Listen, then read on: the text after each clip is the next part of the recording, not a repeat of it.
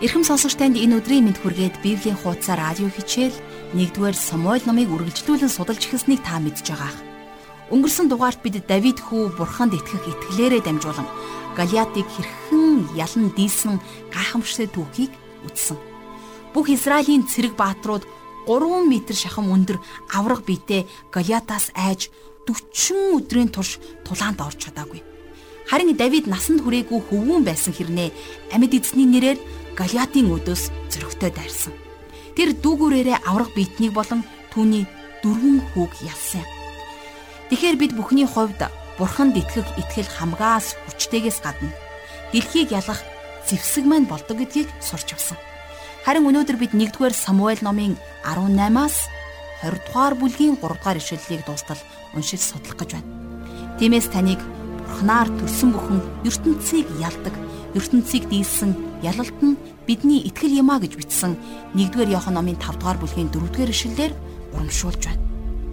Мэдээж хичээлийн эхэнд яг одоо хамтдаа энэ цагийг бурханд даатгаж хамтдаа залбирцгаая.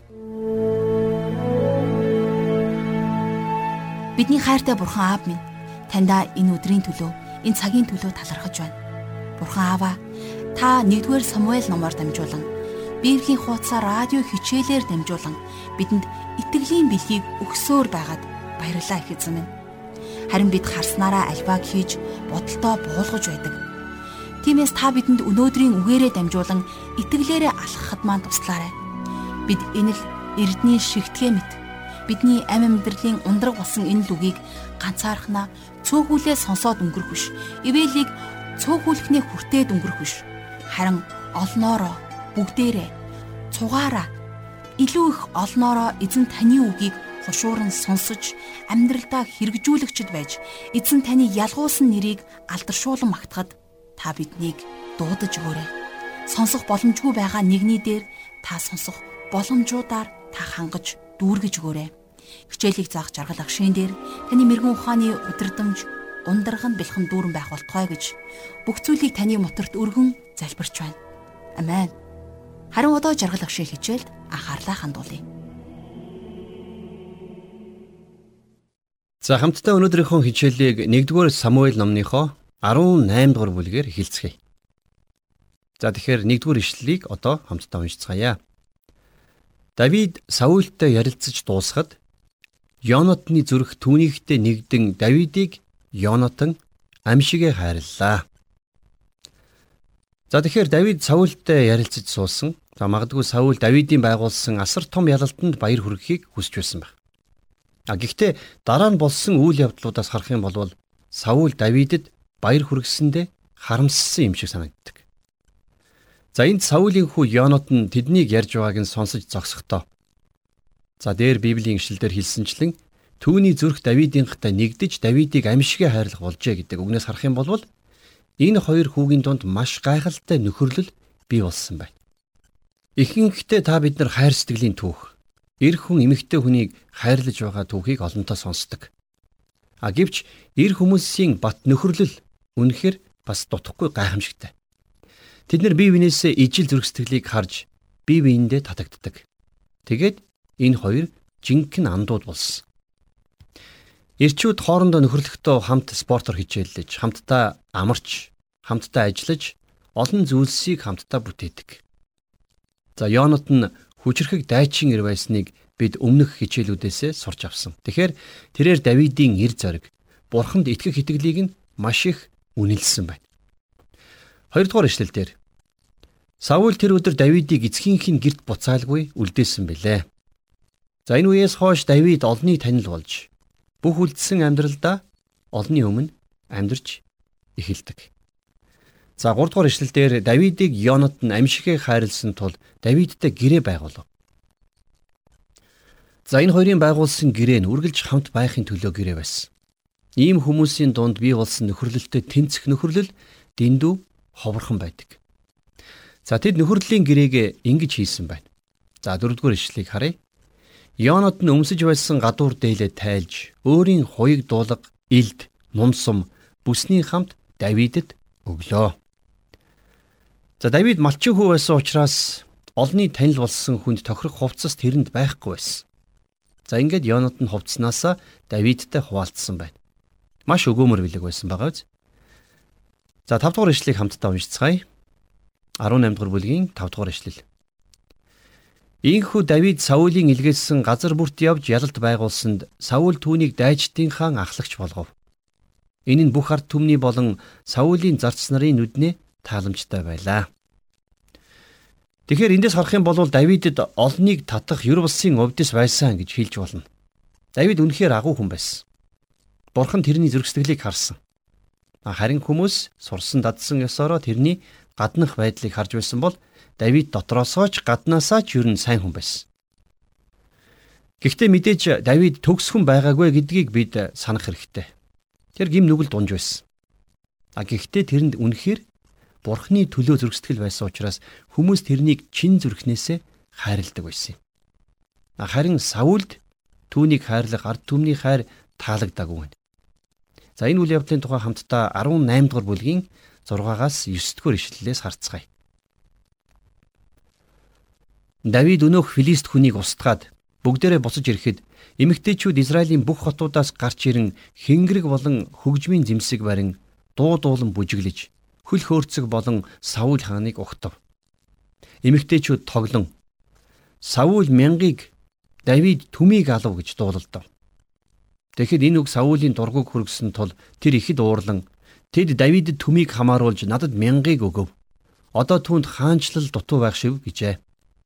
Саул тэр өдрөөс хойш Давидыг нүд үзүрлэх боллоо. За эмэгтэйчүүдийн тоглон дуулж байсан дуу Саулд таалагдаагүй байна. Хүмүүс Давидыг маш ихээр таалж байсанд тэрний ятаархлан төрсөн. За ингээд энэхүү түүхийг цааш нь харах юм бол Саул Давидыг алах гэж завдж байгааг бид олж харна. Харин Давид олны тааллыг авч эхэлснийхээ дараагаар Саул тэрэнд урдийн шигэ хандхаа болсныг анзаардаг. За 18 дугаар бүлгийн 10 дугаар ишлэлдэр дараа өдөр нь бурхнаас ирсэн муу сүнс Саул руу хүчтэй дайрч гэр дотор нь түүнийг огшов. Давид урдийн адил ятгаа гартаа авч тоглож байв. Саулийн гарт жад байлаа. За энд нилээд эвгүй зураглал гарч ирж байна. Давид ятга хөгжмөө тоглож байхад Саул гартаа жад эргүүлж байсан. Тэгэхээр Давид тэрний санаархлыг лав ойлгосон байх. Энийг анзаарсан Давид магадгүй ганц хоёр нот буруу тоглож тэр үед нь Саул гинэд тэрлүү жадаа шиддэг. 11-р эшлэлдэр Саул Давидыг хананд хадъя гэж бодоод жадыг шидэв. Гэтэл Давид түүнээс хоёр удаа бултан зайллаа. За ингээд Саул Давидыг чин сэтгэлээсээ үдзэн ядаж эхэлсэн. За тэгээд тэрнээс нэг мөсөн салъя гэж шийдсэн байна. Харин Давид жаднаас бултаж зүхтаасан. За тэгээд тэр хааны ордноос маш хурдан гарч явдаг. 15-аас 16 дугаар эшлэлдэр Давид агуу их амжилт олж буйг үзээд Саул түүнээс маш их жиирхэж байлаа. Харин бүх Израиль болон Юуда Давидыг хайрлав. Учир нь тэр тэдний тэргуунд удирдан гарч явдаг бас ирдэг байлаа гэсэн байна. За ингээд Израильчууд Давидыг хүлээн зөвшөөрч эхэлсэн. Харин Саул тэрнийг хэрхэн орхиндоо оруулах талаар маш их бодож за нэг арга сүйгжилдэг. Тэр Давидыг филистчүүдтэй үргэлжлэн толдох юм бол өөрийн охин болох Мирабыг өгнө гэж амласан. А ингэхдээ Давид тэр дайнд лав ам алднаа гэж найдаж байсан. За ингэж амласан хэрнээ Саул тэрнийг биелүүлэлгүй Мирабыг өөр хүнд өгдөг. За тэгээд дахин бага охиноо Давидэд өгнө гэж амладаг. Харин энэ удаад тэр түүнтэй худ ургийн холбоотой болсноор хизээч түүнийг хөнөөх боломжтой болно гэж бодсон байна. Давид Саулийн хамгийн отхон охин болох Михаилд хайртай байгаагүй. За тэгэхээр хүмүүс Давид хааныг маш олон ихнэртэй байсан гэж шүүмжилдэг. Учир нь тэр анхныхаа гэрлэлтийг зөв ихлүүлж чадаагүй юм. Энэ бол яахын аргагүй Давидын хамгийн анхны алдаа байсан. За 20 дугаар эшлэлдэр Саулийн охин Михаил Давидэд хайртай болсныг Саулд мэдгэтгэд Саул түүнийг хүлээн зөвшөөрвөө. За та анзаарсан уу? Энд Михаил Давидад хайртай болсон гэж байна. А гэхдээ энэ бол гэр бүлийг ариун нандин бат бэх холбоогоор нэгдүүлдэг чин сэтгэлийн хайр гэхээс илүүтэйгээр тэрний нэр алдар баатарлаг үйлсийг нь биширсэн дурлал байсан. За яагад гэвэл хожим Михаил Давидын эзний төлөөх сэтгэлийг шоолж доромжилдог нь энэний тайлал нь болж өгдөг. За ингээд хамтдаа 1-р Самуэль номынхон 19-р бүлгийг эхлүүлцгээе. За өнөөдөр бид нэр хамтдаа ер нь 1-р Самуэль номын 18-аас 20-р бүлгийг үзэх юм. За 19-р бүлгийг Давидын сахилгажилтын үе гэж нэрлэж болно. Саул Давидыг өөрөө алах гэж оролдоод дийлэхгүй болохоор тэрнийг алах тушаал өгдөг. Саул Давидыг алах гэсэндээ хідэн удаа гимшдэг боловч тэрнийг үхэн өгтөл Давидын ам хутганы ирмэг дээр байсан. За энэ үе болвол 10 гаруй жил үргэлжилж тэрний ардаас ангуучилсан урт удаан он жилүүд байсан юм. Тэр ийм олон жил нүүдэлчин тинүүлчний амьдралаар амьдарсан байдаг. Тэгээд Давид агуйд хээр талд амьдарч байхдаа маш олон саад бэрхшээлүүдтэй тулдаг. А гэхдээ энэ үеүүдэд бурхан тэрнийг сургаж байсан байна. За хожим Давид сургалтаа бүрэн дүүргэж за бүр онц дүнтэй төгссөн. Тэгээд тэр Израилийн төдийгүй дэлхийн хамгийн агуу хаан болж чадсан юм. Давидыг бурхны араас зүрх сэтгэлтэй хүн байсан гэж түүхэнд бичин үлдээсэн байдаг. За бас Давидын бичсэн олон гайхалтай дуулууд нь энэ амаргүй үеүдд нь бичигдсэн байдаг юм. Харин одоо түүний амьд үлдэхэд Саулийн хүү Йонот нь Давидэд хэрхэн тусалж байсан талаар хамтдаа 19-р бүлгийг эхлүүлэн уншицгаая. За би нэгээс 2-р ишлэгийг уншъя. Саул өөрийнхөө Йонот нь хийгээд бүх зарцынхаа өмнө Давидыг алах тухайгаан ярив. Гэвч Саулийн хөвгүүн Йонот нь Давидэд их хайртай байжээ. Тиймд Йонот нь Давидэд "Миний эцэг Саул чамайг алхахаар санаархаж байна. Маргааш өглөө болгоомжтой байж далд газар нуугдахыг гуйж байна" гэсэн. За ингэж Давидын амь насанд аюул учраад байсан учраас Йонот нь Давидыг ордноос гарч нуугдахыг зөвлөсөн байна. Саул Давидыг алах гэж байгаагаа олон нийтэд ил болгосон байсан. Харин тэрний анд нөхөр Саулийн хүү Йонот нь тэрэнд туслахыг хүсэж байна. За ингэхээс гадна бас тэр эцгийг нь ятгсан байдаг. За энэ тухай хамтдаа 19-р бүлгийн 3-аас 4-р ишлэлээс харцгаая. Би гадагш гарч чиний нуугдан байгаа талбайд эцгийнхээ дэргэд зогсон чиний тухай эцэгтэйгээ ярина. Хэрвээ би ямар нэгэн мэдэх бол чамд дуулгая гэжээ. Дараа нь Йонот нь эцэг Саулда Давидыг сайшаан ярьж тэр таны эсрэг нүгэл үлдээгүй босуу. Мөн түүний үйлдэлсэн зүйлс нь танд маш их ашиг авчирсан тул хаант нь та боол Давидынхаа эсрэг нүгэл бүү үлдэг гэж хэлсэн байна. За эндээс харах юм бол Йонотонд Давидын төлөө гэсэн төлөвлөгөө байсан. Тэр хаан эцгийг ятгахыг оролдож байна. За Саул Йонот нь хоёр талд гарч Йонот нь Давид танд тусалсан шүү дээ. Тэр таныг дагагч хүмүүсийн нэг. Тэр таны хаант улсын хамгийн сайн иргэдийн нэг. Та түүнийг битгий алаарай гэж гуйсан байна. За тэгээд цааш нь үргэлжлүүлээд 5-аас 7 дугаар ишлүүдийг хамтдаа уншийе. Учир нь тэрээр амиа үл хайрлан Филист хүнийг цохиж устгасан. Ийхүү эзэн бүх Израильд агуу их авралыг хайрлав. Та үүнийг үзээд баяссан билээ. Гэтэл одоо та яагаад ямар ч шалтгаангүйгээр Давидыг алж гимгүү хүний цусыг урсган түүний эсрэг нүгэл үлдэх гэж байгаа юм бэ гэв. Йонотны хэлхийг Саул сонсоод тангаргалан эзэн амьд тэр бүү алагдаг гэж хэлв. Тэгэд Йонатан Давидыг дуудан эдгэр бүх үгийг түүнд дуулгав. Йонатан Давидыг Саул руу дагуулan очсонд Давид урдын адил Саулд үйлчлэлээ. За ашгүйдээ Саул нэг удаа ч гэсэн хүүгийнхээ үгийг сонссон учраас Давид ордонд иргэн ирсэн байна. А гэхдээ Давидын амь насанд аюул занал хийлсэн хിവэрэ байгааг мэдэж байсан учраас тэрээр сэрэмжтэй байх хэрэгтэй байсан. За түүний сэрэмжтэй байх байдал нь бол үнэхээр үнэн байсан. Юу вэ гэхлээр 1-р Самуэль номын 19-р бүлгийн 9-өөс 10-р эшлэлдэр Саул дахин түүнийг хөнөөх төлөвлөгөө боловсруулдаг. За бүгдээр хамтдаа 8-аас 10-р эшлэлийг харъя. Дайн дахин эхлэхэд Давид явж филистичүүдтэй тулалдан тэднийг цохиж үе болноор хядсанд тэд Давидаас зүхтав. Саул өөрийн герт гартаа жад барин сууж Давид Саулийн дэргэд өөрийн гараар босоо ятга тоглож байтал эзнээс ирсэн муу сүнс Саулийг дайрав. Саул жадаар Давидыг хананд хадах гэтэл Давид Саулаас болцсонд Саулийн жад хананд цогдов. Давид тэр шөндөө оргон зайллаа. Саул дээр дахин муу сүнс ирж тэр Давидыг алах гэж оролдсон байна. За энэ бол Библиэлд гардаг маш том үйл явдлуудын нэг. Юу вэ гэхлээр Давид ятха тоглож Саул жадаа эргүүлнэ. Давид өөрийг нь алах гэсэн оролдлого ойртож байгааг мэдэрч байна. Саул тэрнийг хананд хадахын тулд жадаа шиддэг. Эндээс Давид Саулийн охинтой гэрэлсэн ч гэсэн ордонд байж болохгүй юм байна гэдгээ мэдэж авсан байна. За 19 дугаар бүлгийн 11-ээс 13 дугаар эшлэлдэр дараа нь Саул Давидын гэрлөө элч нарыг илгээн түүнийг мануулж өглөө болохоор түүнийг алах гэв. Гэтэл Давидын эхнэр Михаал Давидэд өнөө шин чи амиа амрахгүй бол маргааш алуулна гэжээ. Ийхүү Михаал түүнийг сонхоор буулгасанд тэрээр гадагш гараад оргон зүхтав. Михаал гэрийн шүтэнүүдийг авч түүнийг орон дээр тавиад толгой дээр нь хідэн ямааны үс тавин түүнийг хувцсаараа бүтээлээ.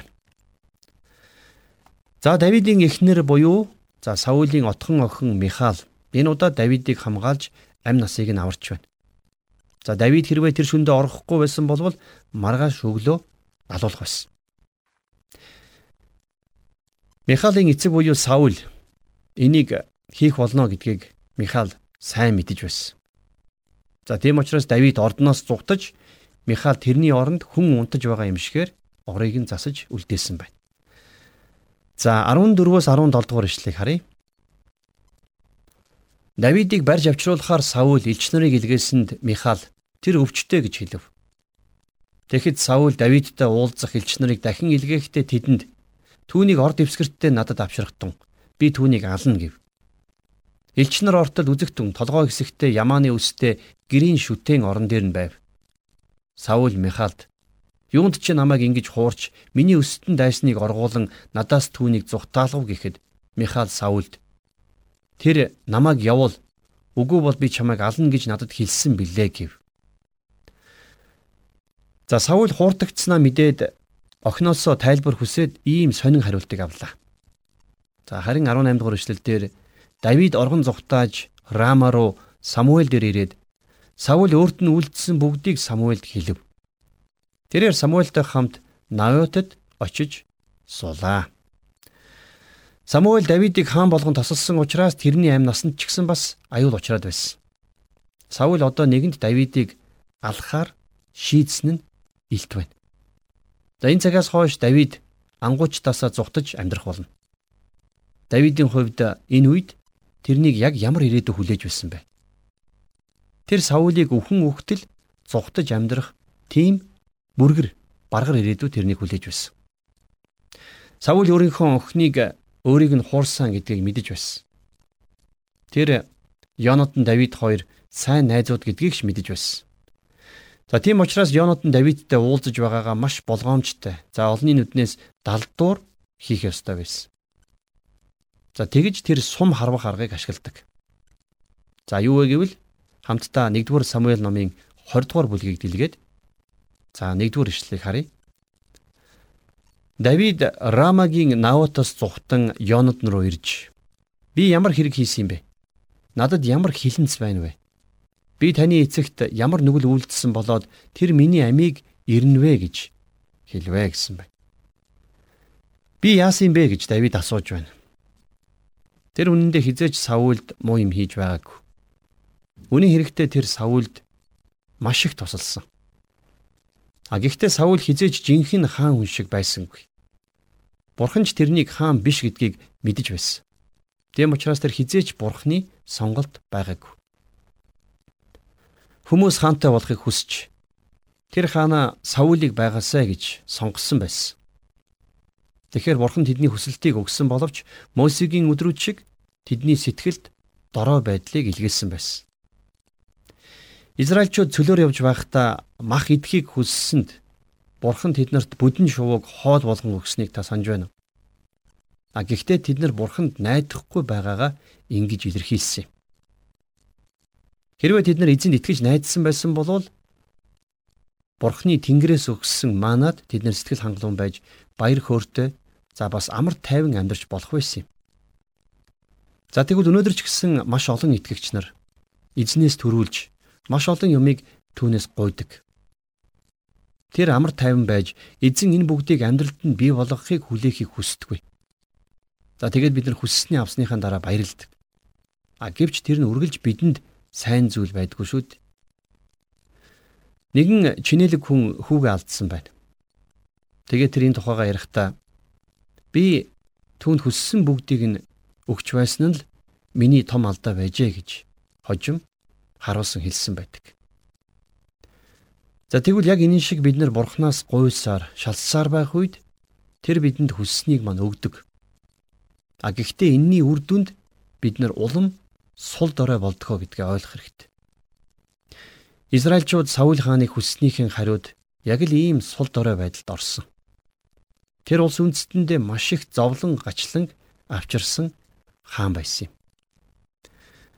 Давид ч гэсэн бас өөрийг нь учир шалтгаангүйгээр алах гээд байгаа Саул хааныг үнэхээр гайхаж хүлээж авч байна.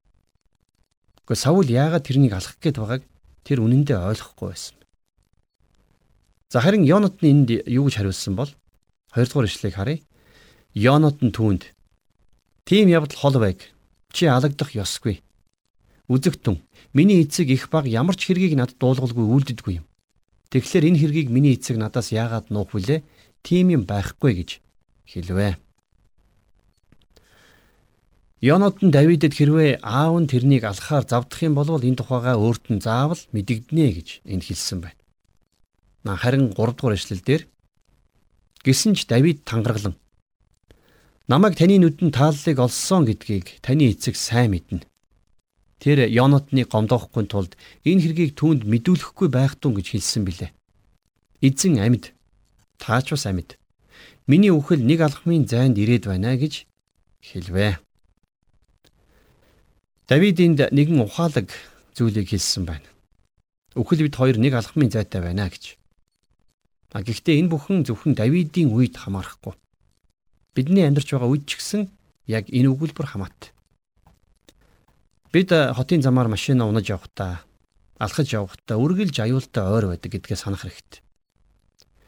Хуучин гэрээний иш үзүүлэгч Исая хэлэхдээ та биднийг үхэлдээ ганцхан зүрхний цохилтоор ойр байдгаа гэж сануулсан байдаг. За юух гэдэг нь үгүй л үхэл бидэн дээр хизээч ирж болно. Тэм учраас бид нэр үргэлж мөнхийн мөнх рүү эзний оршихуй руу явхад бэлэн байх ёстой. Өнөөдөр маш олон хүмүүс энэ амьдралдаа маш тухлаг амьдрахын тулд бүхнийг хийж бүтээдэг ч гэсэн дараачихан амьдралдаа бэлдсэн хүн бараг л байдаг. Тийм учраас би яг одоо танаас та өнөөдөр Есүс Христийг өөрийн аврагчаа болгон хүлээн авсан уу гэж асуумаар байна. За хэрвээ та Есүсийг өөрийн аврагчаа болгон хүлээн авсан бол энэ мөчөд та хорвоог оргисон ч гэсэн Бурхны оршихуйд мөнхөд Диважин улсад амьдрах болно. За тийм учраас та Христэд итгэхээ битгий хойшин тавиарай.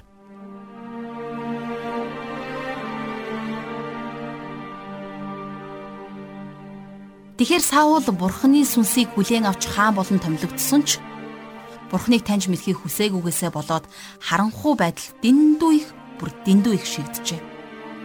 Тэр өөрийн хамгийн үнж жанжнуудын нэг болох Давидэд атаархсандаа болж бүр алахыг хүсэж байгаа нь үнэхээр аимшигтай шүү.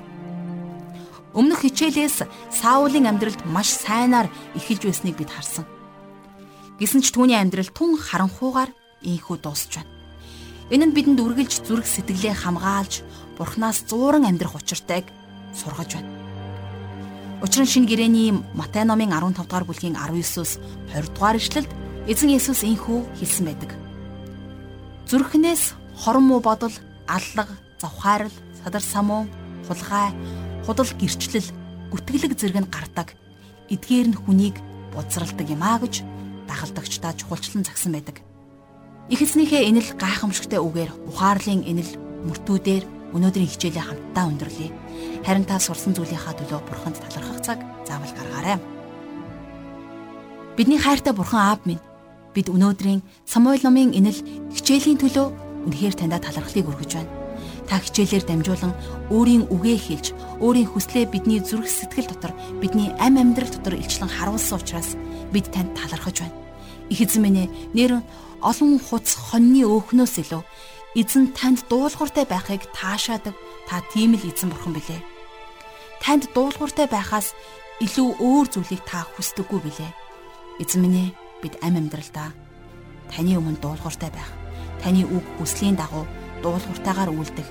Тэрл зүрх сэтгэл мөн чанар тэрл өсөл дэвшлийнхаа төлөө таны өмнө ирээд залбирч байна. Эзэн та ариун сүнсээрээ бидэнд дуулууртай байдлыг зааж сургаж өгөөрэй. Бид зүрх сэтгэл, оюун бодол, амь амьдралаа таны мотор дүргэж Есүс Христийн нэрээр бүх зүйлээ өргөн залбирanгуйж байна. Amen.